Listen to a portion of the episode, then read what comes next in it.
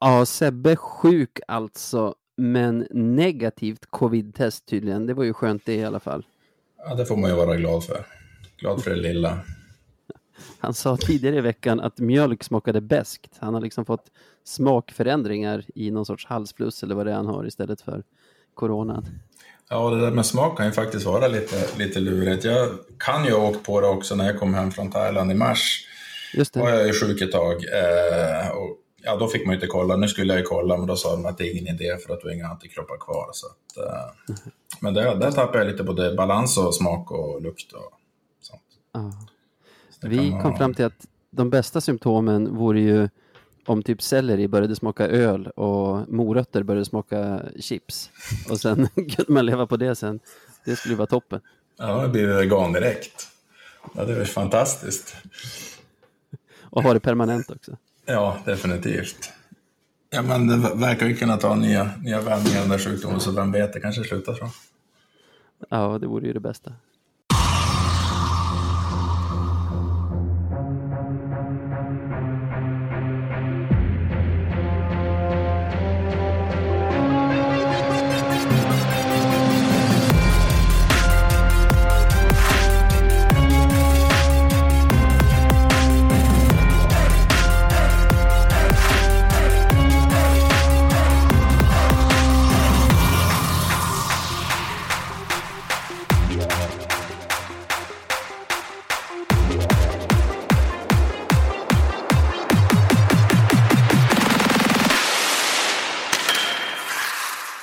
Ja, då säger vi välkomna till eh, podden som numera heter Radio 1970.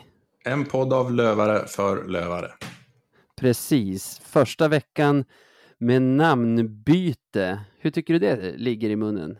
Ja, men jag tycker det var ju kul att höra att ni hade ändrat. Det var ju, även om jag gillade det förra också, liksom spe- anspelar kanske mera på en megahertz, så, så eh, är ju det här ett, ett, ett klassiskt årtal. Så att eh, det, det ligger riktigt bra i munnen faktiskt.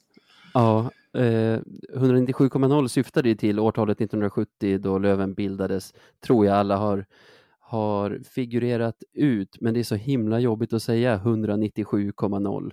Dessutom slutar ju FM-bandet på 108, tror jag det är. Så totalt ologiskt också. Ja, men det är ändå lite roligt kan jag tycka faktiskt. Det känns lite grann så här som Nile sitter på något sätt. Så att, och det kan ge hu- humor till det hela. Ja, ja, och som alla lyssnare har hört vid det här laget så är det ju inte Sebbe som är med idag på grund av sjukdom, utan vi har, ja, som jag också tror alla har hört, att det är Johan Sandström från Löven Forever med oss idag istället. Välkommen Johan! Tack så mycket. Kul att kunna hoppa in när Sebbe eh, trillade av pinne eller vad man ska säga. Ja, det får vi hoppas att han inte gör. Eh, Nej, jag har Kul att ha dig här också Ja, precis. Tack.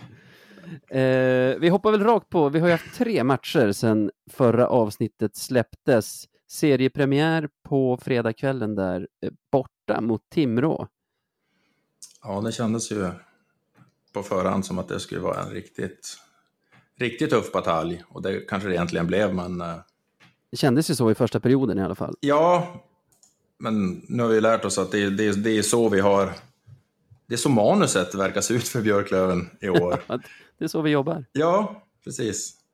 Eh, Eh, vi ska se, första perioden blev 0-0 va? Och sen ja, vi hade öppnade vi 1-0. målskyttet. Visst hade vi 1-0 där? Visst gjorde Ja, det kanske började Ja. redan med Hutch mål i första, ja det gjorde det, det gjorde det, det stämmer. Styrning från ett skott från blå, från Från Palmqvist. Palmqvist, precis. Stämmer. Ja, men sen kändes det ju inte som vår match egentligen när de gick på första paus. Även om jag inte tycker att vi bjöd Timrå på några farliga målchanser heller. Men sen lossnade det ju i andra som, som du sa innan, det verkar vara vår melodi nu. För då hade ju inte Timrå någonting sen. Nej, i andra var vi ju faktiskt riktigt bra. Eh, där. Det känns som att, att vi på något sätt ska ge, eller att vi har svårt att ta taktpinnen. Vi låter liksom motståndarna ta taktpinnen och sätta någon standard och sen så anpassar vi oss efter det och sen så sätter vi gasen i botten och så vinner vi. Typ. Ja, för det var ju kross i andra och alltså det är inte så mycket att säga om sen för vi går in med ledning i andra trots att vi kanske inte förtjänade det och sen kör vi ifrån dem. Jag tycker att det var en ganska komfortabel seger ändå. Ja, det kändes ju inte som att de, de var riktigt nära att hota där i tredje, utan vi var... Det var vår stabila. match. Ja, det var vår match. Två detaljer som jag kommer att tänka på från den matchen. Det är ju dels Rahimi som var grym hela matchen. I sista perioden när Dalen av alla har ett ganska bra skottläge men Daniel täcker bort det ja, men nästan som att det vore en Husum junior som har försökt överlista honom, alltså med den enkelheten och sen fortsätter rakt in i kroppskontakten så att Dalen blir liggande på rygg med, ja han ser väl bara taket av, av Timrå i-stadion där. Jo, det var som, en, som ett statement på något sätt, liksom att visa att här ska du inte komma och vara någon stjärna, utan det är jag som är det är jag som är hövdingen på den här isen, i alla fall i den matchen var ju Rahimi helt fantastisk. Ja, verkligen. Sen tänkte jag på en grej där och det jag vet inte, du kollar mer på fotboll än mig. När jag kollar på fotboll då stör jag mig mycket på filmningarna såklart, det är inte så originellt, men på att domarna uppmuntrar till filmningar genom att om en spelare blir foulad och försöker att inte falla, men ändå tappar bollen på grund av oschystheten, får han inte frispark med sig. Men varje gång de kör den här, äh, fuck it, lägger sig på mage, får de frisparken så att det liksom uppmuntras till filmning. Och i den här Timrå-matchen tyckte jag att det var ett, exakt ett sådant exempel när Hutchings blir hakad i vad som känns som 12 sekunder och vad heter det, domaren höjer inte armen. Till slut faller han lätt skulle jag säga. Jag skulle inte säga att det är en filmning, men hade det varit en motståndare hade jag varit irriterad. Så pass lätt tycker jag han faller ändå. Då kommer armen upp och vi får utvisningen. Eh, minns du den situationen? Nej, jag kommer faktiskt... Jo, men den kommer jag ihåg precis. Det var många som tyckte att han filmade där. Men det känns som att i, vissa lägen så... Du måste liksom falla för att det ska vara utvisning. Ja, Hade vi inte någon liknande jag... nu i senaste också, där en spelare föll utan att det var... Jag tror han fick fel själv. Ja. Ja, det, det, var ju ännu värre. Men jag menar, ska hockeydomare börja döma på det viset, då kommer ju vi också ha filmningar i hockeyn när ja. som helst. För det där uppmuntrar ju direkt till att lägga sig. Ja, så är det ju. Helt klart. Så att jag tycker att eh, nej, de måste hålla i det domarna. Det är jag rädd för att vi... Är, den här inledningen av säsongen gillar jag inte riktigt med de här... Eh, där man liksom ska, visst jättebra beivra de här eh, slag och hakningar mot, mot klubbar, men ibland blir det saker man knappt hinner se att det har hänt någonting och sen så kan de släppa, ja men ta Robin Jakobssons tackling mot Tyler Wesell i AIK-matchen till exempel. Det är ja. som att nu tar vi bara hakningar, sen släpper vi allt annat. Domaren står ju alldeles bredvid där, mm. men det är som att han står bara och letar efter petningar på varandras klubbor som man kan ta en slashing för, så han, han släpper den situationen helt. Vi kan hoppa vidare till den matchen, för den är ju väldigt lik. Vi, det är ju Björklöven AIK i Umeå på söndagen, på söndagen som började med en period där AIK drev på. Och de var ju riktigt pigga i första perioden. De hade ju en enorm fart och vi stod väl egentligen på hälarna som vi brukar göra i första perioden, som vi redan varit inne på. Ja. Fyra utvisningar, va? Ja, och det är väl också det. Vi ska väl ha några sådana i början av varje match. Visst var det fyra vi kan räkna till? Va? Ja, precis. Det stämmer. Fyra stycken där inom, och faktiskt inom loppet av sex minuter hade vi fyra utvisningar. Ja, det är ju toppen. Ja, efter powerbreaket där så hade vi ju fyra raka. Ja, och, men samma sak där. Eh, vi leder inte i första paus, men vi har i alla fall 0-0 som vi ska vara glada över. Och sen går vi in och dominerar. 24 tror jag vi vinner skotten med i andra. ja, precis.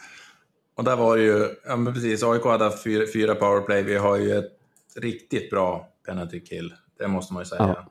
Och så får vi första läget i, i powerplay och så går Liss in och hänger den direkt. Det var riktigt, eller direkt. Så här ska man göra gubbar. Ja, precis. Där visar han verkligen vägen. Ja.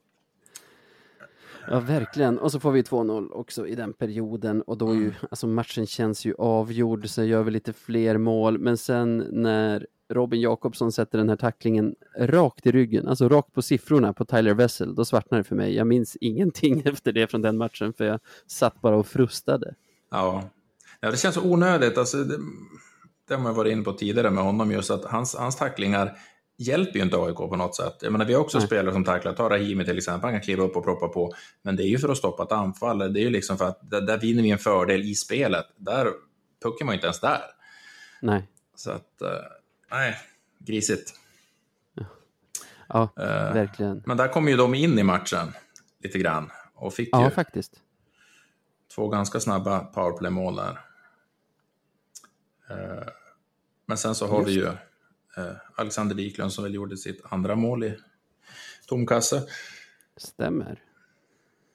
Han, han öppnar den här säsongen som han avslutade den förra. Det är kul att se. Ja, jag frågade Fredrik Andersson där väl efter matchen om om det inte var ganska enkelt att bara, bara se till att man har någon eller ett par målsledningar och så sätter man in Wiklund. Då kommer han ju att göra 52 mål den här säsongen. Så att, eh, och det tyckte han var en ganska bra taktik. Aha. Vad heter det som han avslutade förra säsongen sa jag? Som han var hela förra säsongen menar jag såklart. Han, Mm.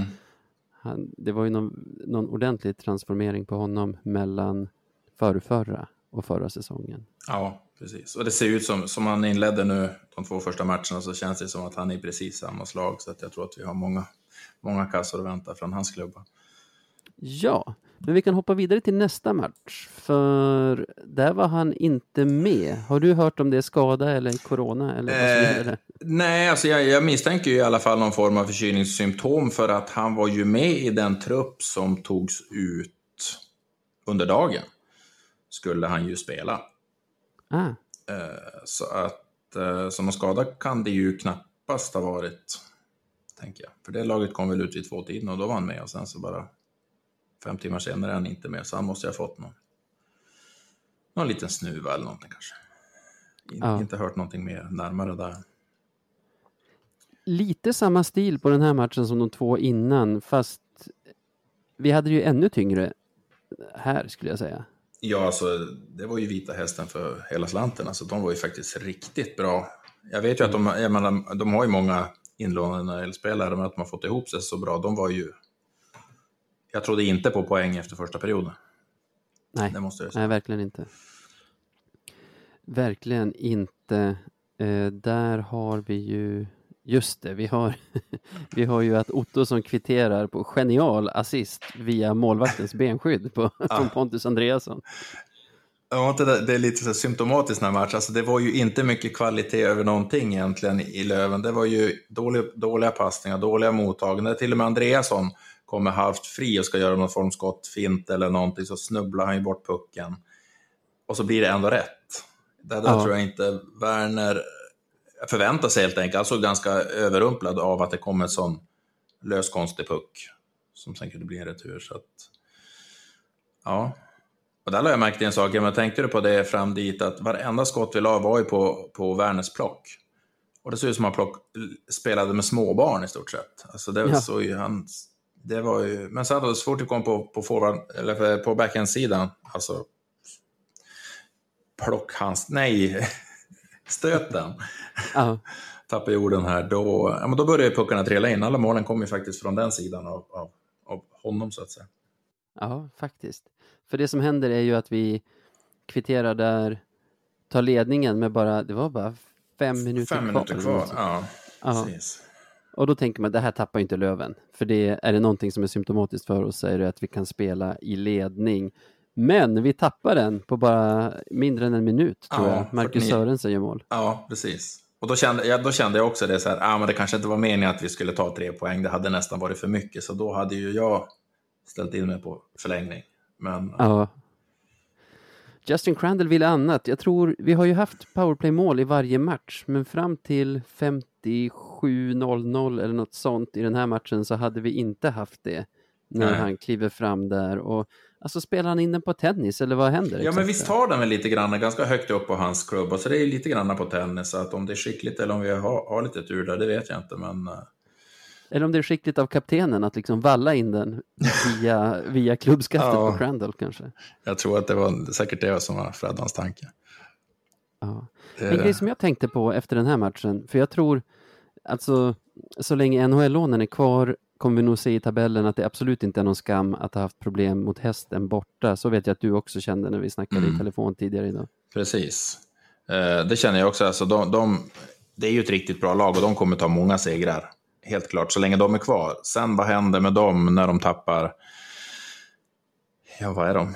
Är det bara fem? Tänkte jag säga. Kan vara fem kanske. Ja, det är ganska många i alla fall. Och, och framförallt tänker jag så här, jag menar Adam Werner är ju grym i målet. Men sen värvade de ju in en finsk målvakt från TPS Åbo tror jag. Hur- Är det han som stod bakom Ja. Pojan- Po- Pojan också? Precis, och då funderar jag, om man har värvat in han var ju säkert tänkt som etta. Ja, då får han stå som... Garanterat. Ja, plockar man åt sidan och sen ska han duga efteråt. Hur, hur, hur mentalt, alltså hur tar han det? Likadant som alla andra spelare som, som har blivit... Nu ska ju fem andra kliva fram när de här försvinner. Ja, jag tänker lite på Otto, om man ser till Löven. Mm. Han... Jag, jag är överraskad, inte bara negativt, men det verkar ju som att Andreasson står högre i rang än Ottosson nu, för det är Andreasson som får spela center. Och nu har jag inte reagerat på... Jag har sett att Andreasson också spelar PP med, med den formationen som Liss är i. Men jag har inte sett om Ottosson också spelar PP, Nej. eller hur de kör det. Ottosson kör inte PP, men det är Andreasson och där ser jag, jag tycker att eh, alltså Andreasson får ju väldigt mycket förtroende och med, med rätta. Jag tycker ju faktiskt att han är, är den bästa centern vi har just nu. För där, han, han är så oberäknelig, han har ju så mycket i sitt register, liksom. bra passningar, han har ju skott, han, han kan ju liksom gå själv. De andra är, ja, jag, jag håller han som, jag vet inte vad den bästa center tycker jag. Ja, och det är ju nytt för den här säsongen. För Ja. förra säsongen var det ju han som fick spela ytter och som fick spela i den här avlastningskedjan. Eh, I alla fall från att Ottosson kom in. Så Mm. det är en förändring helt klart och det är nog inte vad Ottosson räknade med när han skrev på för ett nytt år. Nej, verkligen inte. Nej, han känns väl egentligen den som är, är närmast. Ja, men låt säga, nu blir det väl inte så, men tänk att Lukas Wallmark hade kunnat komma in. Då kan det ju, kunde det ha varit han som kanske fick ställas åt sidan. Ja, Så om man ändå inte ställer kanske Postler åt sidan och fortsätter med Otto som... Ja, så kan det förstås Ja. Men jag är i alla fall väldigt glad, för jag var lite orolig att Andreasson skulle få fortsätta i en, i en fjärde lina och typ ta en ytterplats eller något sånt där. Men jag är glad att de har gett han chansen. Ja, Dessvärre verkligen. eh, så fick, har jag faktiskt fått höra att det ska vara SHL-lag som jag rycker i honom redan nu. ah, Men, men får de, får de ta honom? eh, nej, jag vet inte om de får ta honom. Jag, vad jag har förstått så har Löven sagt eh, tvärnej. Ja, Eh, men, och jag menar, det, det, det sa jag redan innan säsongen började. Jag sa att den här killen, han spelar bara ett år till i Hockeyallsvenskan. Sen spelar han i SHL nästa säsong och sen så i vilket lag får vi väl se. Men helst i förhoppningsvis i Björklöven. vårt lag. Förhoppningsvis i Björklöven, precis. Ja. Alltså, äh, det här med NHL-lånen, alltså okej, Otto är väl den enda som kommer lite i kläm hos oss. Men det jag tänker är, de som verkligen kommer i kläm, det är sådana lag som vi har mött den här veckan, Timrå och AIK, som har värvat för att ha en kedja med riktigt hög klass. Om man tar Weigels lina i AIK och Dahléns i Timrå. Sen kan helt plötsligt vilket lag som helst, som Hästen och Almtuna eller Västervik, plocka in en minst lika bra kedja för inga pengar alls, typ Mm. en vecka före seriestart. Ja, jag tycker det, det är jättemärkligt faktiskt att, att, att det kunde bli så här. Och sen att man är så otydlig först så att Hockeyallsvenskan inte kan ha koll på det här. För först sa de ja, men det kommer nog inte vara, det är två, tre lag som kanske tar in två spelare. Och helt plötsligt så visar det sig att vad är det nu? Nu är det tolv lag som har tagit in spelare och vissa har uppåt fem, sex spelare. Man går ut och Ja. sätter ut någon, någon rekommendation som inte heller följs. Det blir lite, Nej. Lite Och som du löjligt. sa i något annat sammanhang här också, det är ju inte spelare, alltså det är inte hockeyallsvenska spelare, det är spelare som har Mm. varit för bra för SHL och därför dragit över Atlanten. Liksom. Ja, och jag förstår inte den här, men som de nu vad är det, pratades om, att Linus Högberg i, för övrigt gammal Lövenspelare, eh, i. Vita Hästen, att han då ska vara, ja men han är klar för ett årslån här. Jag menar, han, han gör det ju inte så bra i Växjö att han får fara till NHL och sen kommer han tillbaka och spela en säsong i Hockeyallsvenskan. Utan blir Nej. inte han kvar där borta, det är självklart att han har någon outklausul och det är alla de här spelarna. Jag tror inte en enda av de här kommer vara kvar om de inte blir kvar i, där borta. Nej, då kommer det huggas på det. Ja, helt övertygad om att SHL kommer gå in och plocka spelare då, för de har ju bara sagt att de är nej, säger nej till kortkontrakt. Exakt. Och det är ju fram till 15 november, men, men efter det, de som kommer hem. Så jag menar, Samuel Fagemo, inte kommer han att köra i, i Södertälje om han inte får lira där borta. Då drar ju han till Frölunda helt klart. Så måste det ju bli. Ja. Vet du Johan, nu är det dags för ett nytt segment här. Spännande.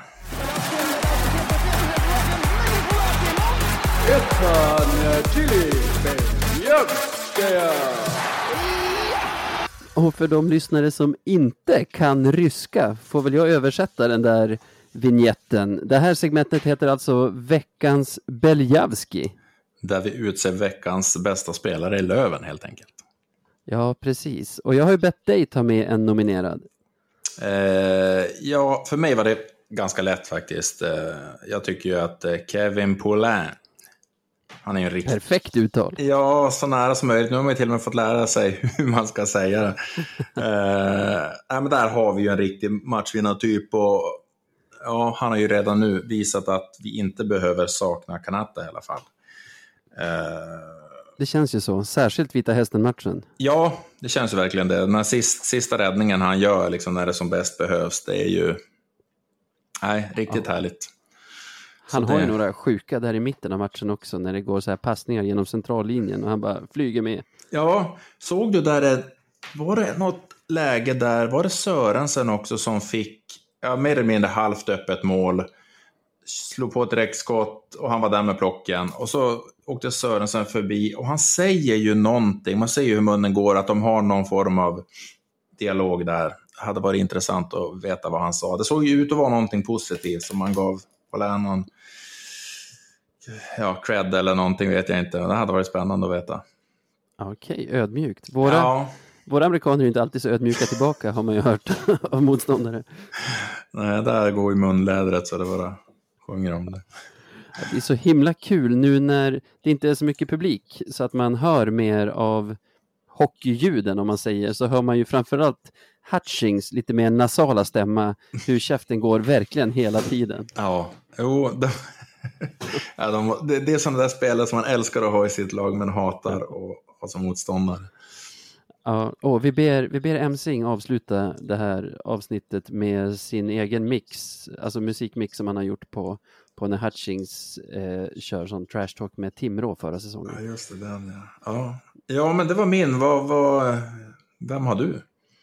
Jag har faktiskt, jag har faktiskt eh, haft två med mig. Jag har skrivit om, om Johan tar Rahimi, ta Polän. Om Johan tar Polän, ta Rahimi. Så Daniel Rahimi är min nominerade och jag är så himla lycklig över att, alltså jag var ju lycklig över värvningen i sig tidigare. Men man har ändå tänkt så här, oh, i den där åldern, det kan gå snabbt ut för. Mm man har antagit att han är bra, alltså att han är en bra hockeyallsvensk spelare, men så dominant som han var mot Timrå i framförallt boxplay och i egen zon och mot Dahlén-linan, det, det gjorde mig riktigt glad.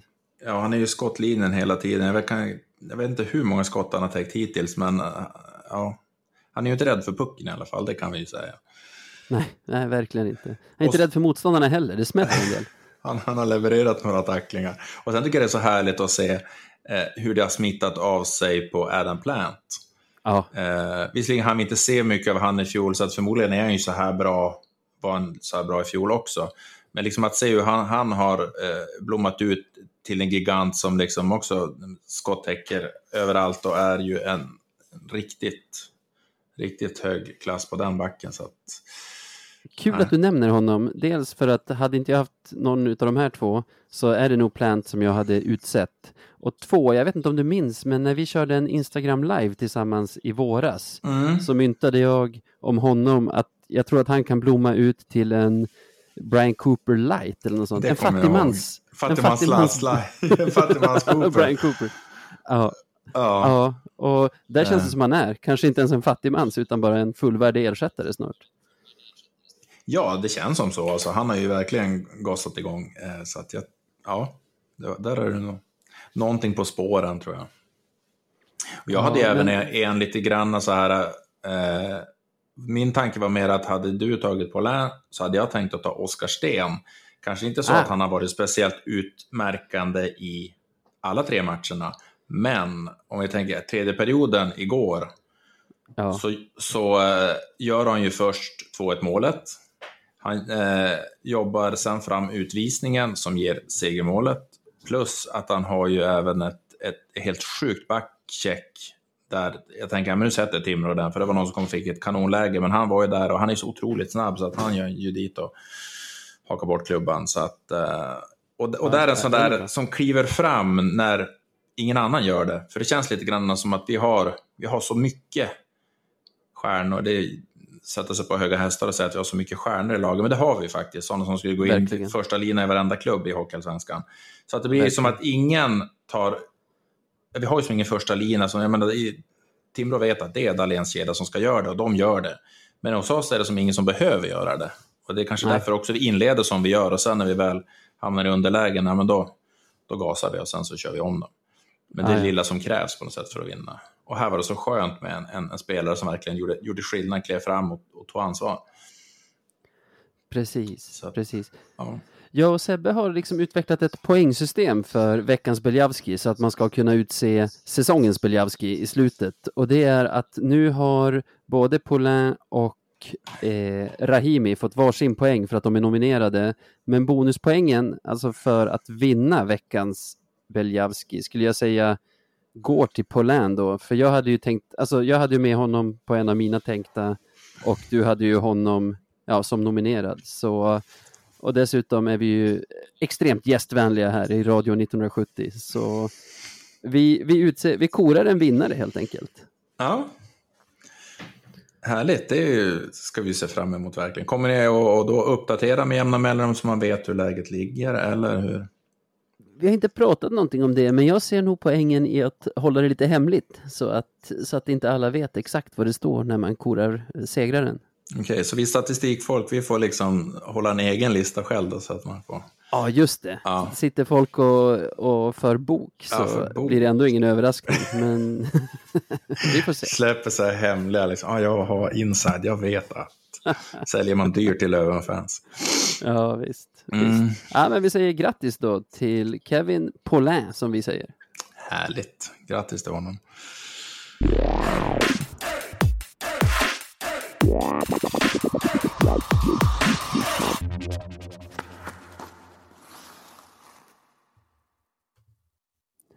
Ja, ni lyssnare är ju vana vid att jag och Sebbe brukar ha ett segment var som vi planerat till varje avsnitt. Eh, en liten prata som vi kallar det. Det är enormt tidskrävande. Så för att ha tid att fortsätta hålla på med den här podden kommer jag vissa veckor strunta i att köra en prata och istället spela in ett kort snack med någon som jag tror kan vara intressant för er lyssnare att höra. Och eftersom det strax är dags att möta Västerås har jag bjudit in den supporter som vet mest om vad som händer runt Västerås IK. Så jag säger välkommen Micke Norén. Tack så jättemycket. Var du nöjd med den, eh, den påannonseringen? Ja, men det var ju kanonbra. Du driver ju podden och bloggen Vik Fan Central. Kan du berätta vad det är för något? Jo, men det är en blogg som, eh, som jag har drivit nu ganska länge. Jag började ju på Svenska fans faktiskt och skrev, men sen hoppade jag över och skapat ett eget eh, forum kan man säga, 2012. Sen har Ja. det växt och man har fått lärt känna mer och mer folk i branschen. Det blir roligare och roligare, tycker jag. Ehm, Väldigt och- initierad blogg får man ju säga. Ni verkar ha koll på det mesta som händer på transfermarknaden och så. Bra källor eller?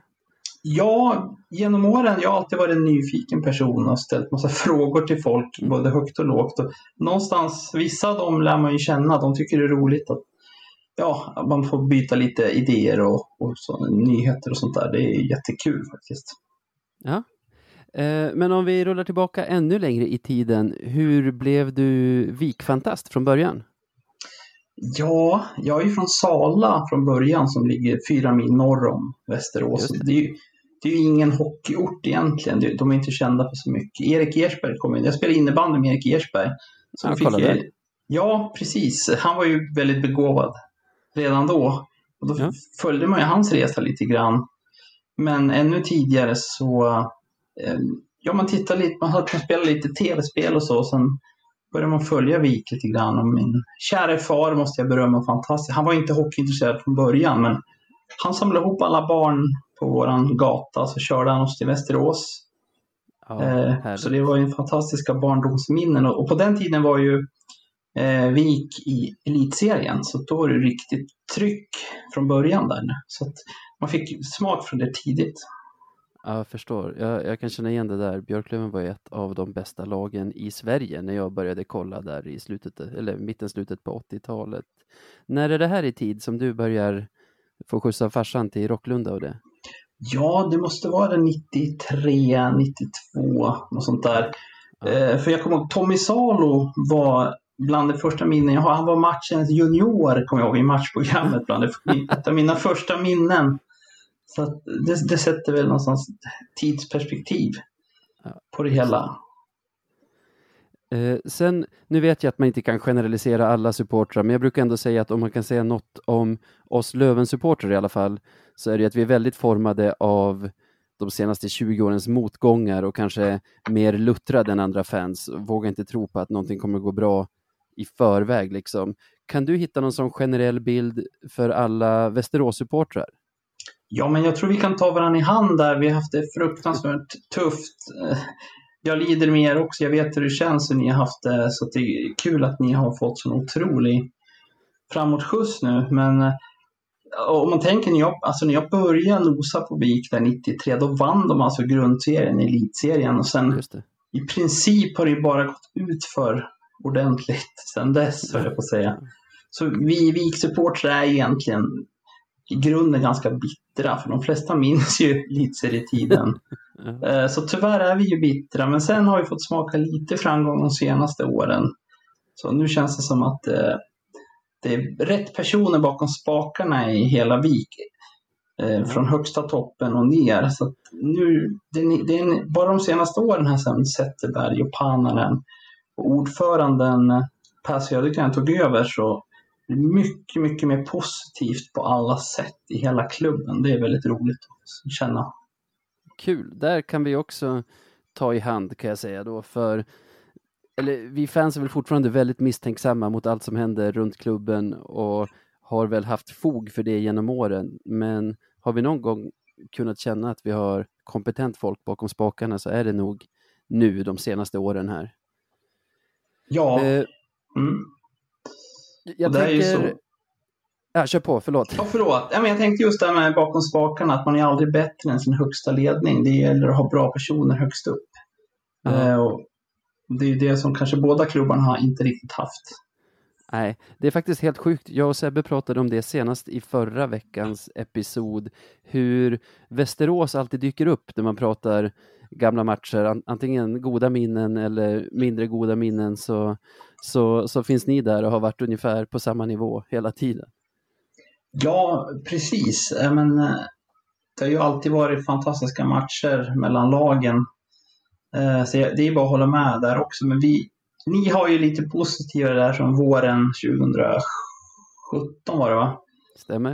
Eh, så det var ju fruktansvärt tungt men samtidigt, det som hände uppe i er fantastiska arena var egentligen väldigt bra för Västerås, för då fick vi chansen att, att byta led, eller byta, ja det låter ju kanske hårt, men vi fick in nytt fräscht folk överallt och det har varit väldigt bra.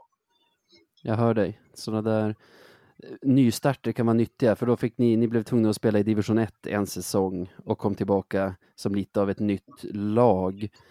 Jag tänkte på, vi har ju stött och blött mot varandra så mycket genom åren som vi var inne på. Hur ser du på Björklöven som motståndarsupporter? Det är ju en, en stor klubb som har fantastisk publik, eh, otroligt tryck. Nu har jag tyvärr aldrig varit i eran hall, men man känner ju bara genom tv-rutan. Ja. Eh, och, men jag måste också säga väldigt trevliga supportrar. Eh, och eh, det tycker jag är väldigt roligt. Jag har kontakt med, det är en av de roligaste grejerna att ha en, en blogg så här. Det är att man lär känna så mycket trevligt folk.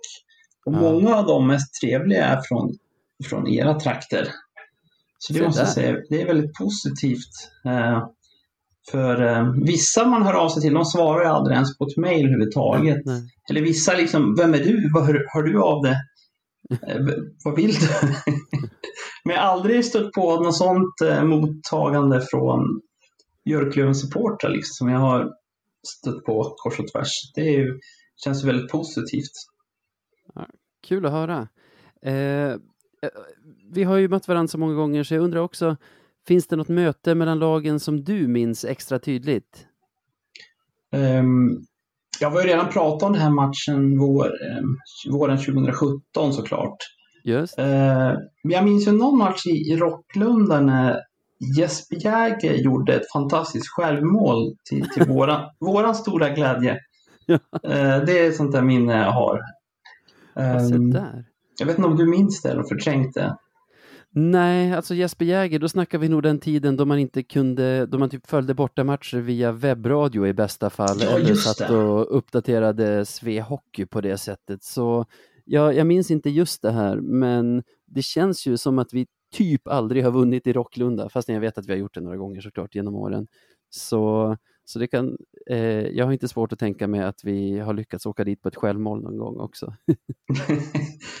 Nej, precis. Eh, nej, men annars, eh, det är väldigt svängiga matcher vad jag minns eh, som är roliga att se på. De båda lagen vill spela hockey, ingen som backar hem. Nej. Ja, jag har, för om vi har några nya lyssnare här, har jag i något av våra första avsnitt, kanske tredje eller fjärde, jag vet att avsnittet heter Fuck you Kurre i alla fall. Då, har jag faktiskt listat mina hetaste minnen från Västeråsmatcher. Jag minns Jaha, okej. Den jag, den jag gillade, eller inte gillade, men det jag minns bäst, faktiskt en förlust som jag tror att era fans inte ens kommer ihåg, för det var en helt betydelselös match för er. Nu drar jag ur minnet så det blir säkert fel. 2005 säger jag att det var. Ni hade inget att spela för. Vi behövde vinna för att bli klara för kvalserien till elitserien.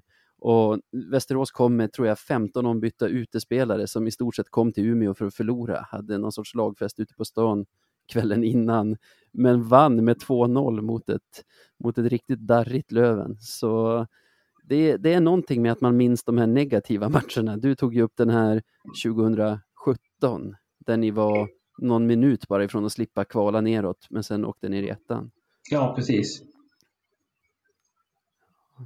Så om vi, om vi hoppar vidare från tråkiga minnen. Eh, vi möts ju snart. Det, det här avsnittet släpps nu fredag och så möts vi onsdagen därpå. Eh, vad, hur ser du på den matchen?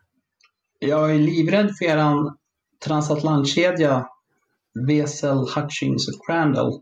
Just det. vet jag inte om de spelar ihop fortfarande, men eh, jag vet inte, nu kanske jag är ute och cyklar. Men Nej, du, väst- det stämmer. Ja, vad bra. Mot Västerås var jag djupt imponerad av den kedjan. Jag tycker det var seriens bästa kedja. Av mina ögon, alltså när jag Ja. på plats så att säga. Så den måste man ju ha koll på. Och Hutchins och Crandall, det är ju inga duvungar heller de.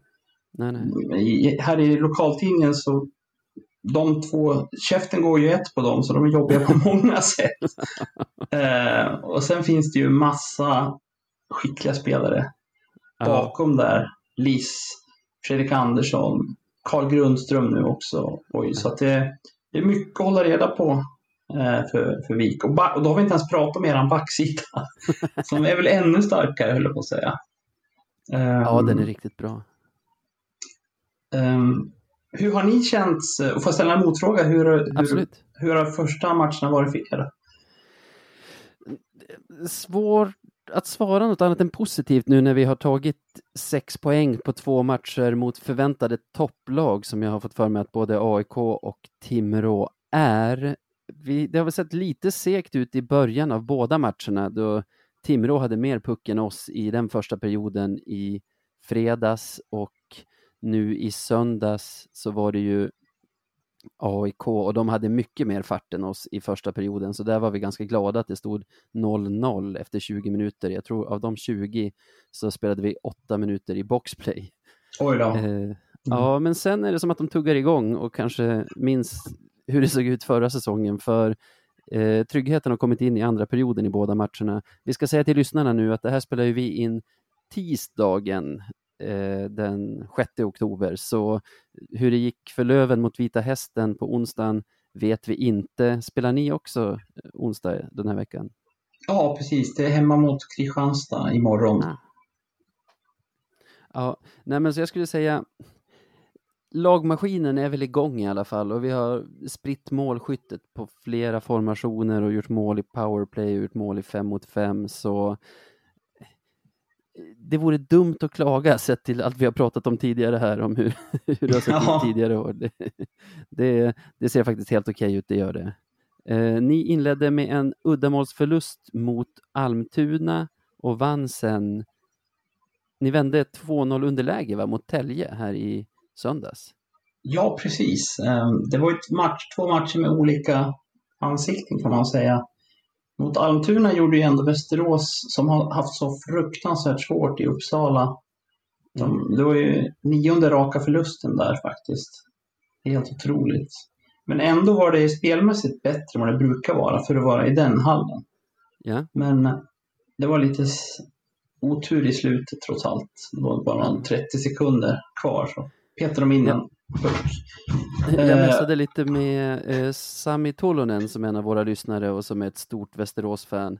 Och vi var så himla överens om att man tappar så himla mycket poäng i Uppsala mot Almtuna och egentligen är det ju bara tre poäng man förlorar. Men det känns så himla ovärdigt att åka till den där arenan kallar de det, den där hallen och liksom kamma noll. Det, det, det är en mycket surare känsla än om man åker till exempel till Södertälje och, och torskar eller så. Jo, men precis. Och jag har ju varit i den hallen många gånger. Trots att det är en liten hall så är det ofta ganska ändå tomt med folk. Ah, ja. Så det är ju väldigt öde. Jag tycker på ett sätt synd om Almtuna som sliter och gör det så bra med små resurser att det inte är mer folk i en så stor stad. Men det är intressant alltså, du upplever samma sak i Gränbyhallen. Ah, ja. Ah, ja. Ja, Alltså skulle man samla alla Lövens förluster i Gränby på, på en hög så skulle det nog ja, vara högre än Hotell Plaza i Umeå och säger ingenting. Men det, ja, det är en fruktansvärd arena.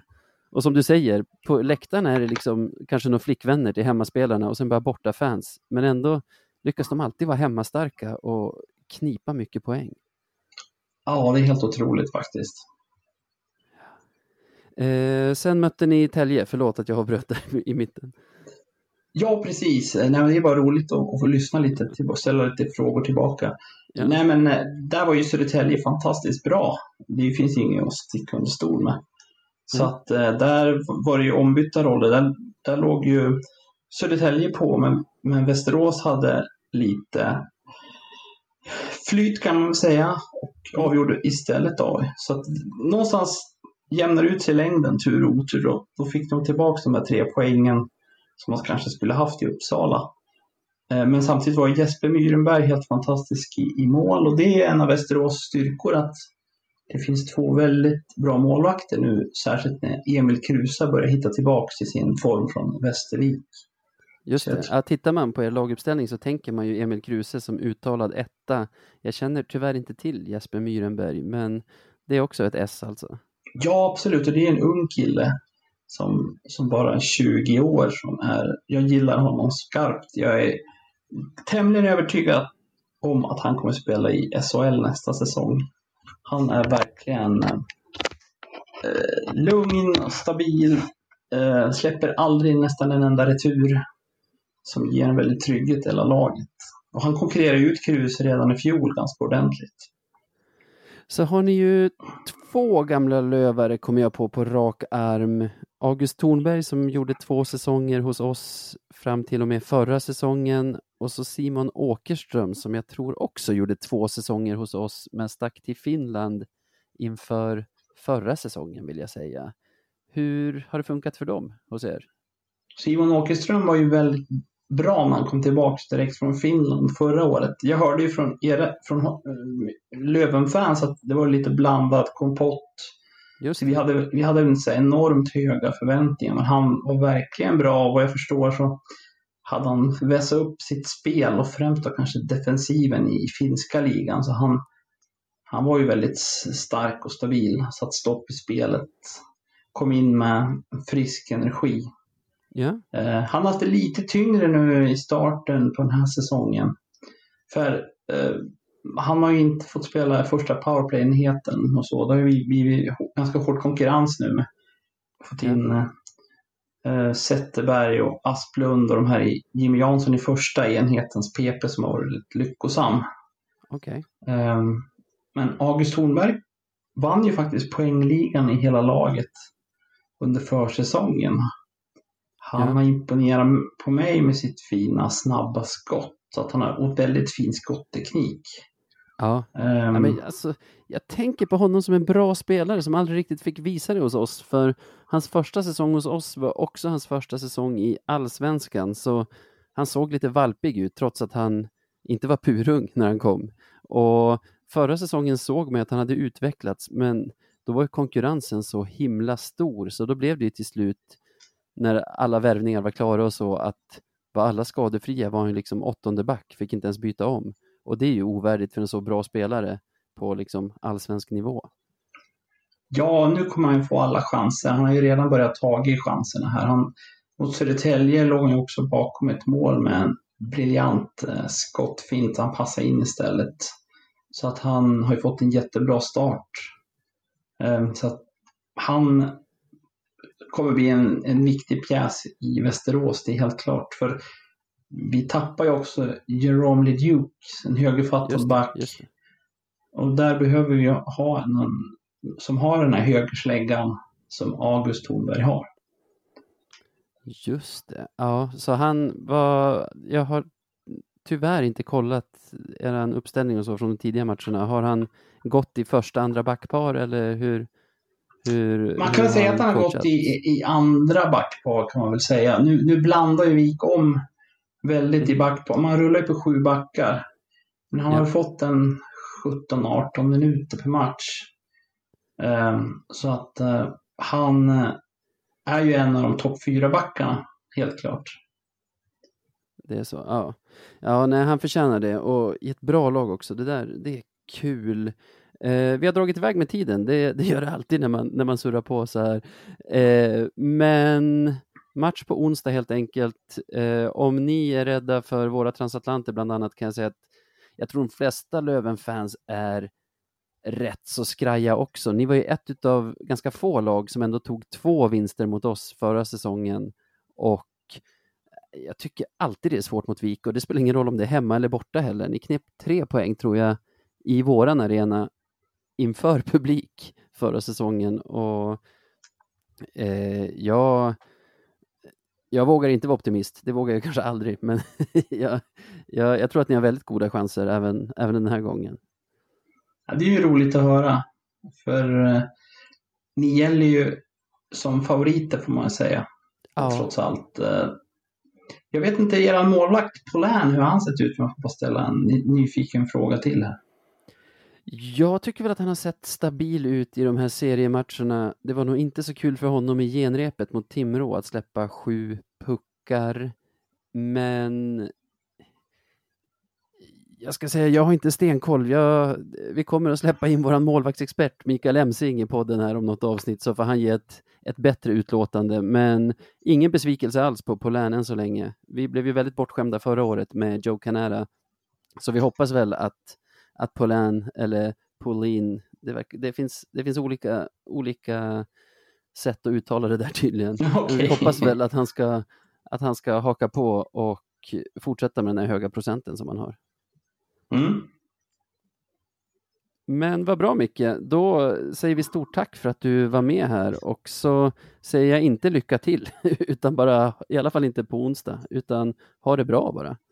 Tack detsamma.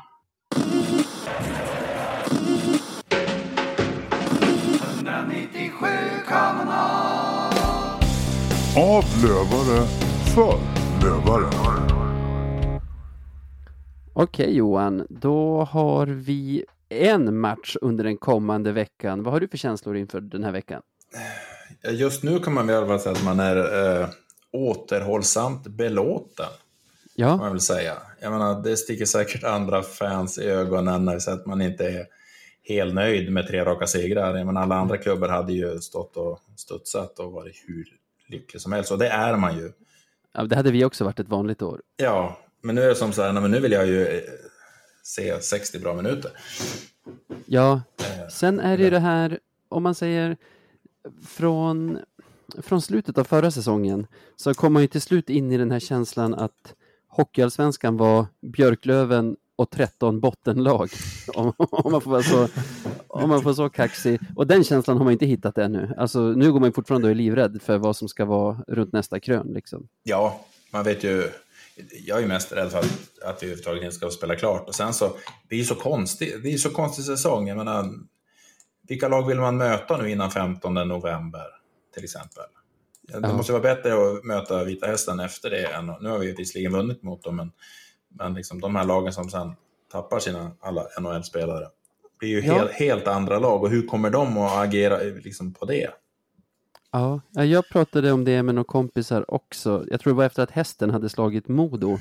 Att det bästa är väl om de lagen som man misstänker kommer att bli ganska mycket sämre när, när NHL-lånen sticker iväg tar mycket poäng av de lag som man förväntar sig kommer vara bra även resten av säsongen. Och då tänker jag, ja men typ att hästen tar poäng av Modo, Almtuna Mm. slog Västerås. Alltså de som Ja. jag misstänker kommer vara konkurrenter i toppen tappar poäng mot lagen som jag tror kommer kanske dala när NHL-lånen drar. Mm, håller helt med. Jag, ja, det vore ett alldeles utmärkt scenario om de kunde lugga så mycket poäng som möjligt av våra tilltänkta konkurrenter i topp.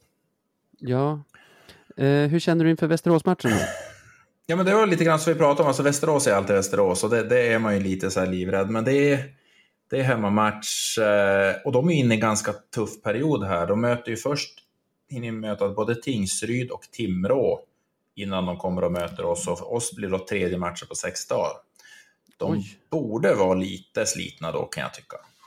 Man får hoppas på det. Alltså det är deras femte match då. Ja, alltså den här serien, det, det var som jag la ut någonting på Twitter igår. Alltså, eh, vi har ju klagat tidigare det här att man inte kan hålla ihop omgångarna och det är svårt att veta hur ser en tabell egentligen ut. För då ska man börja räkna, ja men de där är två matcher mindre spelade. Om de vinner en, ja men då ligger de där och då ligger vi där. Alltså nu efter sex dagars spel så har vi alltså ett lag som har spelat fyra matcher och ett som har spelat ett. Det är ju liksom, det är Ja. ju helt galet. Så att den är ju, ja.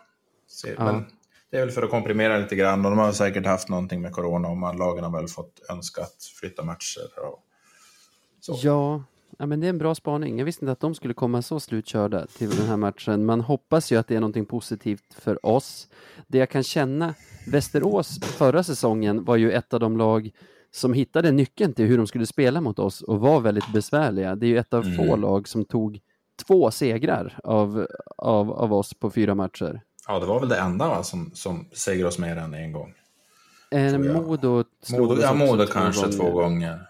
Men sen vet jag det inte vara? om det var någon fler. Eh, På tal om Modo förresten, har du, när jag lusläste så möter vi alltså inte dem förrän omgång 31 kanske? Är det Först- sant? Första gången, yes. Där har vi fyra möten med dem sista... Ja, det, alltså, det, var, det, var, det var så otroligt mycket eh, i slutet. Ingen möte med dem, men det är förmodligen kanske att man hoppas att det ska lösa med publikfrågan så att vi kan ha fulla hus. Och Man, bägge lagen Ja. kanske har önskat det så. Ja, säkert. Ja. säkert. Jag- Men åter till Västerås. Eh, kommer vi att få se ett Löven som är rätt vissna i första perioden eller? Jag är rädd för att om vi är det så kanske, kanske matchen är förlorad redan där. Ja, alltså vi har ju spelat ändå, vad är det, sex träningsmatcher. Alltså det är väl nio matcher i år vi har spelat och alla har ju sett exakt likadana ut. Så att jag skulle bli förvånad om vi går ut och, och eh, äger första perioden. Det tror jag inte. Utan jag tror säkert att Västerås kommer starkt ut. Vi kommer få kämpa. Vi kan ha kanske förhoppningsvis 0-0 efter första och sen så äter vi oss in och så vinner vi väl kanske med 4-2 eller något sånt där. Jag tänker att det beror på vårt boxplay ifall vi, ifall vi har 0-0 i första, första paus eller inte. Ja, det, det tänker jag absolut. Eh, det var väl också Fredrik Andersson lite inne på att det behöver inte alltid vara negativt att dra på sig några utvisningar i, i första perioden, om man klarar av dem. För det kan liksom höja laget och att motståndarna känner att ah, jäklar, nu får de PP och så eh, tar de ledningen. Så att, ja, eh, ja det känns som ett, ett klassiskt scenario. Ja, intressant antilogik där, men jag förstår precis vad han menar. Mm. Det är inte hela vägen till att det svåraste som finns är att leda med 3-0, men det här att, jag menar, de flesta vill ju ha utvisningar med sig. Ja, så är det ju. Absolut. Det, Men, man kan inte börja tänka de banorna tänka att shit, nu kommer de göra mål, utan de måste väl alltid gå in med en in- inställning att Ja, vi- precis. vi ger mål i PP och vi ska hålla tätt med dem. Precis. Jag gillar också den inställningen att inte, inte fan nu fick vi en utvisning utan gött nu får, nu får vårt eh, PK chansen att visa, visa vad de kan. Ja, vi är så duktiga de är, precis. Aha. In, in och låta eh, Selin och, Wiklund stressa livet ur felvända backar. Exakt. Ja, bra för Wiklund att det blev så långt mellan matcherna här nu. Det är en vecka från Vita Hästen-matchen Ja. till den här Västerås-matchen. Ja, det jag tänkte, då kan jag, kan jag komma tillbaka och sätta där. Att det var därför jag tänkte 4-2, då kan jag sätta 4-2 i tom kasse. Med pass Ja. Selin då, som vanligt. Men nu sitter ju lyssnarna och bara längtar efter att få höra våra tips i den här matchen. Mm. Du får gärna börja med vad du tror. Ja, jag har ju nu som sagt det två gånger redan, så att absolut seger 4-2. Eh, det blir förmodligen 0-0 efter första, vi kanske står 1-1, 2-1 ledning efter andra och sen så... Nej, 4-2 tycker jag känns som ett, ett logiskt resultat. Ja, ja, det får vi hoppas på. Och jag och Sebbe har ju regeln att båda inte får, får tippa seger. Och det är faktiskt Västerås fel. För när de tog oss i A3 Arena förra hösten hade både jag och Sebbe tippat seger. Så torsk då. 4-2 till Västerås. Våra målskyttar är Hutchings och jag säger Norbe. Kul outsider. Mm. Det, ja, men han skulle man ju vilja se lite mer av faktiskt, nu när du nämner han. Ja, kan man ju fundera lite grann när man värvar in en spelare som spelar powerplay i HV71 i fjol och inte spelar powerplay här. det är märkligt. Ja, då har vi, men vi, vi har ju bra powerplay-spelare förvisso, men jag skulle kunna kanske säga... Man vill ju se dem prova. Ja, byt plats på han och Palmqvist kanske. Kan det vara en På, tal- på tal om det. Ullman. Vet du, är det att han är petad eller har Ja, han nej, han är- symptom eller åkommor? Nej, det enda jag vet är att han inte platsar. Ja. Ja, vi, att, eh, och där är vi också intressant. Vi, vi, där har vi också plockat in en riktigt offensiv spelare som, som inte, ens, inte ens får byta om. nej, Eh, ja, det, ja, det, det såg man inte komma i, i somras när vi Nej. värvade honom. Nej, precis. Men det visar ju också vilket, vilket extremt bra lag vi har. Alltså, det är ju... Ja, det är... Det är- Vad säger man? Ilandsproblem. Ja, verkligen. Det, är- det är lyxproblem. Ja. Om vi skulle ta och knyta ihop den här säcken då. Finns det något mer du har funderat på på slutet som, som du vill få ur dig här ikväll? Eh, nej, eh, det kan jag väl inte säga. Däremot ska man väl passa på tror jag att säga, skicka ett stort tack till Björklöven som faktiskt har sett till att vi på Löven Forever har en pressplats så att vi kan följa matcherna på plats. Jag har ju haft tur så att jag har kunnat fått vara den som får fara dit och se matcherna och sen även då träffa spelare efteråt och göra intervjuer. Så att det, har, det har varit himla roligt. Så vi får väl se vem det är av oss som åker på onsdag. Hur funkar det där nu under coronan? Går du in i omklädningsrummet som, som det vore en vanlig match eller Nej, står, står du på avstånd och skriker frågor? Eller? Ja, precis. Jag står uppe på läktaren och sen först, nej, det eh, fungerar så att vi under, dels får vi sitta på pressläktaren då en meter emellan. Vi får inte sitta väldigt nära varandra utan vi måste hålla en meter och det är kontrollanter på plats och se till att allt det där sköts. Sen får vi i slutet av matchen skicka ett sms till Kasman med vilka spelare vi önskar intervju med. Och sen så går vi ut ur hallen och går in på baksidan mellan Tegstunet och omklädningsrummet. Så får de Ja. komma ut där. Så Ja. där gör vi intervjuerna då. Och det, det, är väl inte, det är ju inte ultimat, men det är väl så läget är just nu. Men jag vet inte hur det ska funka sen då när det kanske blir 20 minus ute. Nej, nej, det förstår jag. Men bra, bra lösning för tillfället. Ja, för tillfället är det en bra lösning, absolut. Så att eh, det funkar alldeles utmärkt. En enda nackdelen är väl ofta att det är vi har ju sista King ofta, så nu senast så var först radion där och sen var VK där och är det andra tidningar så kommer vi sist och ofta har man nästan samma typ av spelare. Så att förra gången fick Liss vänta. Ja, Just, han fick göra tre, tre intervjuer, men eh, Be, be om Ullman nästa gång. Ja, precis. Vi skojade lite grann om det faktiskt, vilka, vilka vi skulle ta ut som våra tre bästa efter första, per, det var väl första perioden mot, ja men det var mot hästen tror jag. Då skojade vi lite grann att vi skulle ta Ullman, Popovic och, och Mantle för att de var felfria. Ja. Ja, det kanske var då våra tre minst dåliga. just där och då. Just där och då, men sen höjde, ja. Så, Jag vill säga till alla våra lyssnare, de känner redan till Löven Forever, men de som inte gör det, eh, där har ni allt om Löven alltid. Det känns som att ni sitter dygnet runt och uppdaterar. Ja, men vi har, jag, Marcus och Angelina har väl jobbat ihop ett ganska bra system. Hur vi sitter och, jobbar och sådär, så att vi försöker att inte all, all vaken tid, men, men viss del av vaken tid utanför våra jobb så försöker vi göra det vi har gjort i 13 år nu. Så att, och det, Ja. det har blivit vårt lilla barn så att det kommer vi nog aldrig sluta med. Det är Nej, när vi trillar av pinn typ som vi... Som Sen vill jag be... Ja, nej, jag tror aldrig ni kommer lägga ner om jag, om jag ska vara ärlig.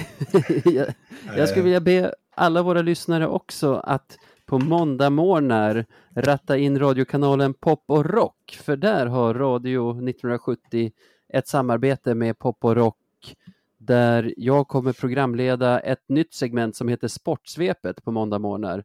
Så in och lyssna. Det är 103,0 i Umeå på, om man vill lyssna på riktig FM-radio. Annars är det poporock.com för den som vill lyssna. Kommer du lyssna Johan? Absolut, det här lät ju jättespännande, så självklart så kommer jag att lyssna på det. Det tackar vi för och så tackar vi såklart Emsing för ljudmix, klippning, vignetter och bumprar och stort tack till dig Johan som var med och fyllde ut här ikväll. Ja, men tack så mycket, det var alltid kul, alltid kul att hjälpa till.